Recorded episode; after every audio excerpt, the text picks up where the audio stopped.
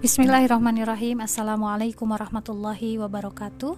Sahabat oase di mana pun berjumpa lagi dengan saya Yuli di rubrik kisah sahabiah Kali ini kita akan membahas satu sosok sahabiah yang bernama Ummu Syuraik radhiyallahu anha.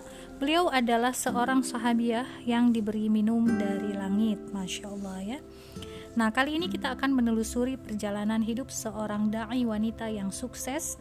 Beliau mengusung amanah dakwah dengan sepenuh hati dan keluar dari rutinitas kehidupannya untuk menyebarkan dakwah dan mengajak manusia agar menyembah Allah yang menciptakan langit dan bumi. Berkat usaha gigihnya Allah Subhanahu wa taala membuka hati sekian banyak manusia sehingga mau menerima Islam di dalam hidupnya. Dai wanita itu adalah Ummu Syuraik, semoga Allah meridhoinya, yang memiliki nama asli Ghaziah binti Jabir bin Hakim. Tidak banyak catatan sejarah yang memaparkan kehidupan sahabat uh, Ghaziah ini. Akan tetapi kalau kita menelusuri ya dari informasi yang sedikit itu, ini e, kisahnya itu syarat dengan karya-karya besar dan juga keagungan yang akan diingat sepanjang masa. Ya.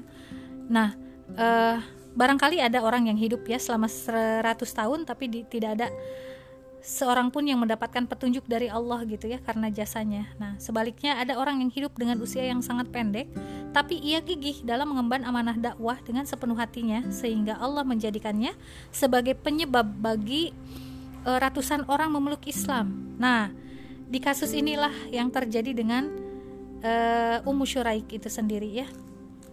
Bagaimana kemampuan beliau dalam berdakwah sangat luar biasa. Nah, Imam Ibnul Qayyim rahimahullah berkata, ya berdakwah kepada manusia agar mengikuti jalan Allah adalah tugas para rasul dan pengikut-pengikutnya. Status para pengikut rasul adalah wakil dari Rasul itu sendiri untuk berdakwah di masyarakatnya masing-masing, sedangkan seluruh manusia harus mengikuti mereka. Allah telah memerintahkan kepada Rasulnya agar menyampaikan wahyu yang diturunkan kepada kepada dirinya. Allah menjamin akan menjaga dan melindungi beliau dari gangguan manusia. Demikian pula halnya dengan para ulama, para dai yang menyampaikan ajaran-ajaran Islam, mereka juga akan dijaga dan dilindungi oleh Allah sesuai dengan kadar perjuangannya untuk mendakwakan agama ini. Demikianlah Allah memuliakan orang-orang yang uh, berdakwah yang menyebarkan agama Allah. Nah, uh, apa yang dilakukan ya oleh uh, Ummu Syuraik ya di sini beliau adalah seorang wanita yang melakukan aktivitas dakwah. Beliau adalah seorang wanita yang mendedikasikan hidupnya untuk berdakwah di jalan Allah. Nah, e, dan layaklah ya Ummu Syuraik ini kemudian akhirnya oleh Allah diberi minum dari langit. Nah, ini ya, kita bisa simak bagaimana ketulusan iman Ummu Syuraik yang menjadi faktor yang sangat signifikan yang mendorong sekian banyak orang musyrik untuk mengubah keyakinan mereka dan mereka bersedia memeluk agama Islam. Nah, Ummu Syuraik sendiri ya e, sudah tersentuh Islam sejak beliau masih tinggal di Mekah dan setelah Islam itu masuk ke dalam dirinya, beliau juga tahu apa konsekuensi yang harus ditanggung sebagai seorang muslimah. Maka beliau pun mengabdikan seluruh hidupnya untuk menyebarkan dakwah tauhid, menegakkan kalimah Allah di muka bumi dan mengibarkan bendera la ilaha illallah Muhammadur Rasulullah. Ummu Syuraik radhiyallahu anha pun uh, mulai menjalankan aktivitas dakwahnya.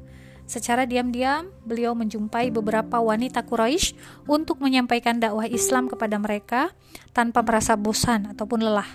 Ummu Syuraik sangat paham bahwa aktivitas ini menuntut berbagai bentuk pengorbanan dan juga kesiapan untuk mengalami penderitaan.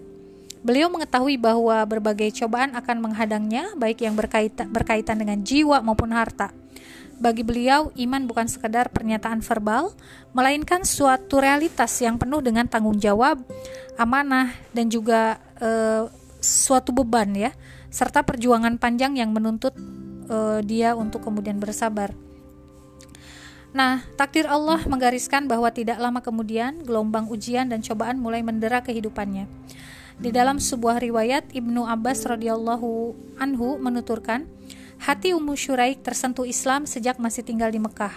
Maka ia pun memeluknya. Setelah itu ia mulai menemui wanita-wanita Quraisy secara diam-diam untuk mengajak mereka memeluk Islam. Tetapi aktivitasnya terendus oleh para pemuka e, di Makkah sehingga mereka menangkapnya dan berkata seandainya tidak mempertimbangkan kaum kerabatmu maka kami tidak akan segan-segan mempermalukanmu kami akan mengembalikanmu kepada mereka Ummu Syuraik menuturkan pengalamannya tersebut. Mereka menaikkanku ke atas unta yang tidak dilengkapi dengan pelana atau yang lainnya, lalu membawaku selama tiga hari tiga malam tanpa memberiku makan ataupun minum. Pada suatu ketika mereka beristirahat, biasanya jika beristirahat mereka membiarkanku kepanasan sedangkan mereka berteduh. Mereka juga tidak memberiku makan dan minum sampai tiba waktu melanjutkan perjalanan. Akan tetapi, dalam kesempatan istirahat kali ini, tiba-tiba aku merasakan sesuatu yang dingin menetes di tubuhku, lalu menetes kembali. Setelah kuraba, ternyata itu adalah tetesan air dari sebuah ember. Maka aku pun segera minum sedikit. Lalu ember terangkat dan kembali lagi. Aku mengambilnya lagi dan minum sedikit, lalu ember itu terangkat dan kembali lagi. Kejadian itu terus berulang beberapa kali dan aku meminumnya sedikit demi sedikit sampai puas. Kemudian aku pun membasuh seluruh tubuh dan juga pakaianku. Masya Allah ya. Jadi ember itu bukan ember biasa, tapi ember yang Allah kirimkan kepada beliau untuk menghilangkan dahaga, ya haus dan dahaganya Ummu Syuraik yang saat itu sedang disiksa ya, berupa dibiarkan uh, ya uh, agar mati kelaparan dan kehausan. Ketik, uh, beliau melanjutkan, ketika orang-orang membawaku terbangun, mereka terkejut karena melihat bekas tumpahan air ada di mana-mana dan mendapatiku tampak lebih segar dari sebelumnya. Mereka menudingku, engkau telah membuka ikatan lalu mengambil wadah air kami dan meminumnya. Aku menjawab, demi Allah, aku tidak melakukannya. Melainkan yang terjadi adalah seperti ini, seperti ini, seperti ini. Beliau menjelaskan, mereka pun berkata dengan polos, "Jika pengakuanmu itu benar, maka agamamu lebih baik daripada agama kami." Untuk membuktikan pengakuanku, mereka memeriksa wadah-wadah air yang mereka bawa, yang ternyata semuanya tetap seperti semula. Maka saat itu juga orang-orang musyrik yang membawaku, yang membawaku itu menyatakan diri masuk ke dalam Islam. Begitulah cara Allah memuliakan uh, Ummu Syuraik Musyaraik telah menunjukkan keteladanan yang sangat baik dalam menjalankan dakwah untuk menerima ajaran Allah dan keteguhan dalam memegang keimanan dan keyakinan. Ummu Syuraik radhiyallahu anha tetap sabar, ridho, dan juga tulus dengan hanya mengharapkan balasan dari Allah Subhanahu wa taala demi meraih kesuksesan dalam menjalankan dakwahnya. Beliau tidak pernah berpikir untuk bersikap sedikit lembek ataupun lemah dengan mengalah dalam beberapa hal untuk menyelamatkan dirinya dari cengkraman kematian dan kehancuran. Sehingga wajar jika hasilnya adalah beliau mendapatkan kemuliaan yang sangat besar dari Allah Azza wa Jalla dan kebahagiaan yang tidak terhingga ketika kaumnya mau memeluk agama Islam. Dan ini berarti keislaman mereka akan masuk ke dalam perhitungan pundi-pundi uh, kebaikan yang dimilikinya pada hari kiamat. Masya Allah luar biasa ya. Semoga Allah meridhoi Ummu Syuraik dan membuat uh, membuatnya ridho ya semoga Allah meridhoinya menjadikan surga Firdaus ya sebagai tempat persinggahan yang terakhir bagi Ummu Syaraik. Demikian halnya dengan kita, kita bermohon kepada Allah agar Allah juga menganugerahkan keberanian dan keistiqomahan di dalam berjuang dalam aktivitas dakwah yang kita lakukan sebagaimana halnya Ummu Syuraik juga membuktikan hal itu kepada kita semua, kepada Allah dan Rasul dan juga kepada kita generasinya. Demikian, itu saja. Semoga bermanfaat. Wassalamualaikum warahmatullahi wabarakatuh.